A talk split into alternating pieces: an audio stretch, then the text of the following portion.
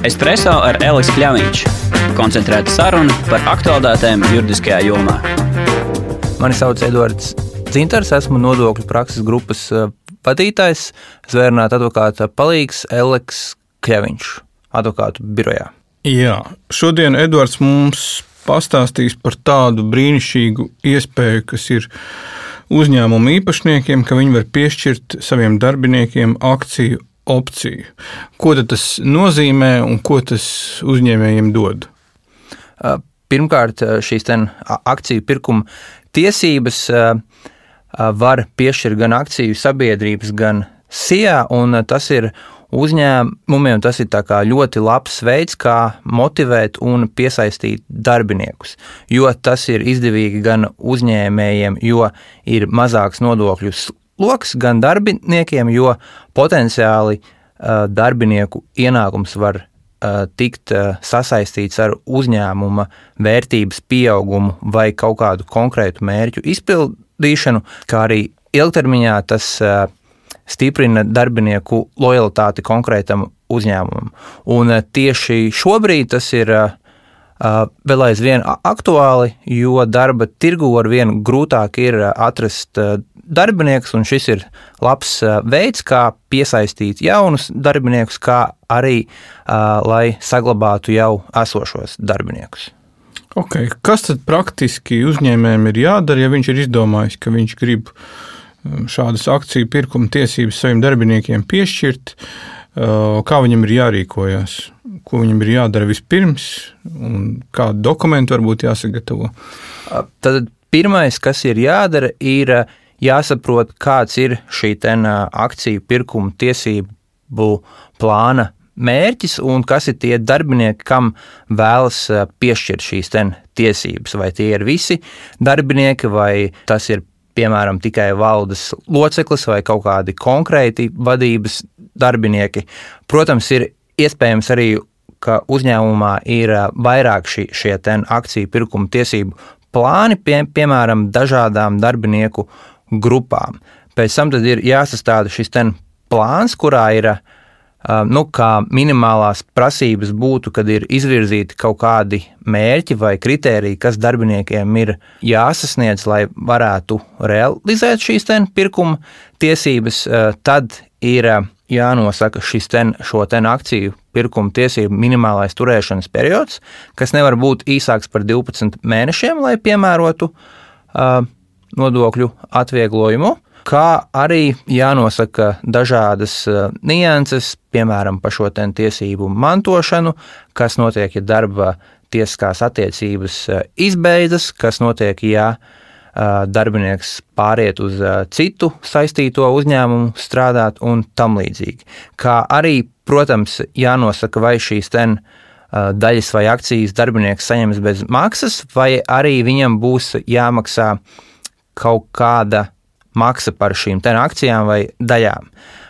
Parasti, ja šī maksa par akcijām ir lētāka vai mazāka nekā aktuālā tirgus cena, un tad ar šo cenas samazinājumu ir šis darbinieka labums. Pēc tam, protams, ir jāveic arī grozījumi statūtos, ja tas ir nepieciešams, jāpieņem dažādi korporatīvie lēmumi.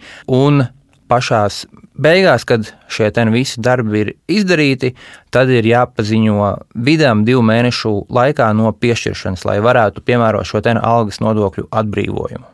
Ok, ļoti labi, ka tu pieminēji šos 12 mēnešus un nodokļu atvieglojumus. Tad kādi nodokļu atvieglojumi tad ir pieejami caur šo, un kāpēc šī prasība gadu tātad uh, gadu šo akciju opciju nevar realizēt. Tātad, ja izpildās visi uh, iedzīvotāju ienākuma nodokļa likumā minētie kritēriji, tad šis ienākums no akciju vai daļu pirkuma tiesību realizēšanas neaplieks ar algas nodokļiem. Un šādā gadījumā tikai darbiniekam, kad jau pārdos šīs akcijas, būs pienākums maksāt kapitāla pieauguma nodokli, kas ir 20% no starpības starp iegādes vērtību un pārdošanas vērtību. Tas, piemēram, ja darbinieks šīs akcijas ir saņēmis bez maksas, un izpildās visi kritēriji, un pēc tam viņš viņus pārdod, piemēram, par 1000 eiro, tad darbinieks nomaksās 20% kapitāla pieauguma nodokli, kas no 1000 eiro ir 200 eiro, un tad 800 eiro būs darbinieka ienākums, pa kuru jau pēc tam nekādi citi nodokļi nav maksājami. Šis ir tas labums, ko gūs gan darba devējs, gan darba ņēmējs. Ši, šis 12 mēnešu turēšanas periods ir nepieciešams tam, lai negodprātīgi darba devēji vai arī ņēmēji neizmantotu šo sistēmu, lai uh, apietu algas nodokļus. Agrāk šis periods turēšanas bija 36 mēneši, Lietuvā un Igaunijā vēl aizvien viņš ir 36 mēneši, bet Latvijā šis minimālais turēšanas periods šobrīd ir 12 mēneši, attiecīgi pēc kuriem tad darbinieks var sākt izmantot šīs ten, pirkuma tiesības. Bet praksē šis periods var būt arī ilgāks, kā arī var uzņēmums noteikt, ka šis periods ir vismaz 12 mēneši, vai tad, kad izpildās konkrēts kritērijs. Piemēram, ir sasniegts konkrēts apgrozījuma līmenis, kad darbinieks var sākt realizēt uh, savas pirkuma tiesības. Realizēt pirkuma tiesības vai realizēt akcijas? Vai mēs runājam par akciju pārdošanu vai par kaut ko citu? Nē, mēs runājam par uh, akciju vai daļu iegūšanu īpašumā. Kad darbinieks kļūst par šo akciju vai daļu īpašnieku, un tad attiecīgi pēc tam darbinieks var izvēlēties, vai uh, darbinieks turpina turēt šīs akcijas vai daļas, vai arī tās pārdot. Protams, darba devējs var plānā arī paredzēt, ka darbiniekam ir pienākums šīs akcijas pārdot tad, kad darba devējs to liek, vai arī tad, kad iestājas kaut kāds konkrēts gadījums, piemēram, mainās uzņēmuma īpašnieki vai ir IPO. Nu jā, jo es tieši par to gribēju vaicāt. Tad nu, šeit der, šajā situācijā der teiciens, viss ir labi, kamēr viss ir labi? Jo kamēr tātad, darbinieks un darba devējs dzīvo saskaņā un, un, un viss attīstās un notiek, akcija opcija nenoliedzami ir iegūms abiem, jo tad viens ir motivēts strādāt, vairāk sasniegt un iesaistīties un tā tālāk otrs iegūst nodokļu atvieglojumus un piesaist ciešāku uzņēmumu darbiniekus ilgtermiņā.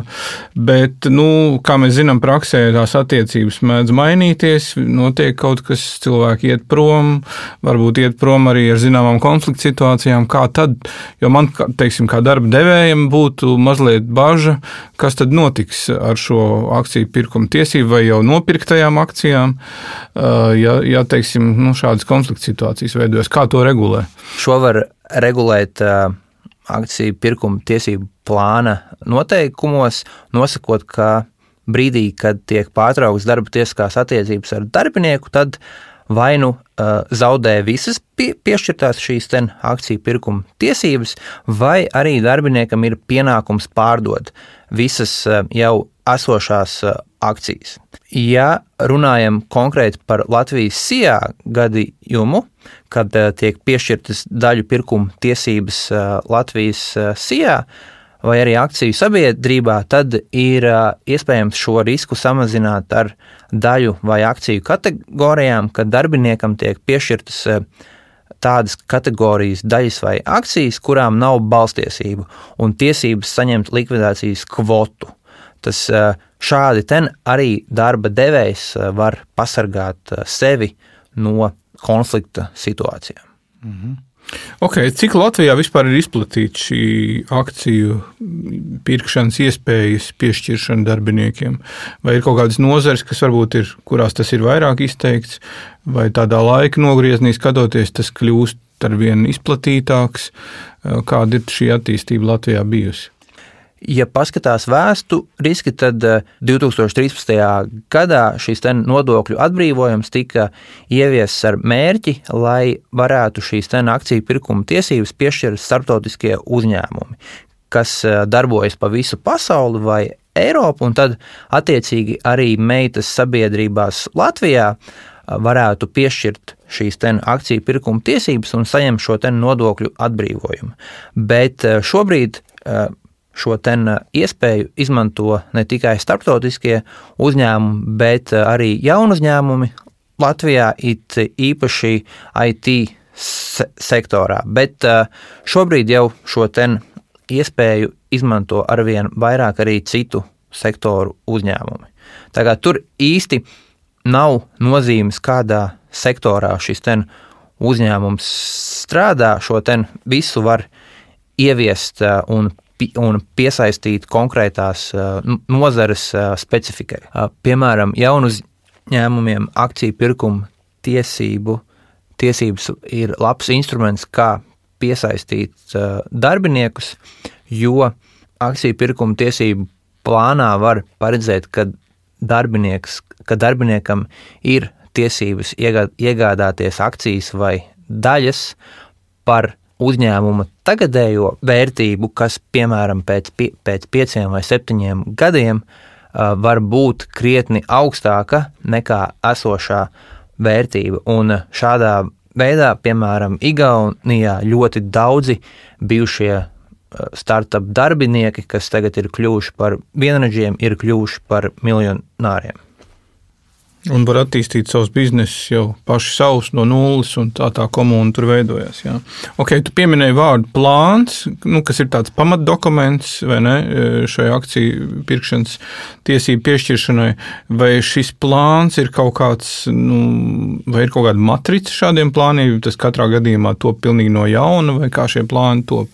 Katrs uh, uzņēmums var šo plānu sastādīt pēc saviem ieskatiem, bet sasaudošo plānu ir jāņem vērā IN likumā noteiktie kritēriji, kas ir, kad minimālais akciju pirkuma turēšanas periods ir vismaz 12 mēneši. Gadījumā, ja darba tiesiskās attiecības tiek izbeigtas, tad sešu mēnešu laikā darbiniekam ir jārealizē šīs akciju pirkuma tiesības, ja to paredz plāns, kā arī ir jānosaka, kas notiek darbinieka nāves eh, gadījumā un kas notiek gadījumā, ja darbinieks eh, pārceļās uz eh, citu saistīto uzņēmumu. Šis ten plāns var būt nosīt ļoti vienkāršs dokuments pat uz pāris lapām.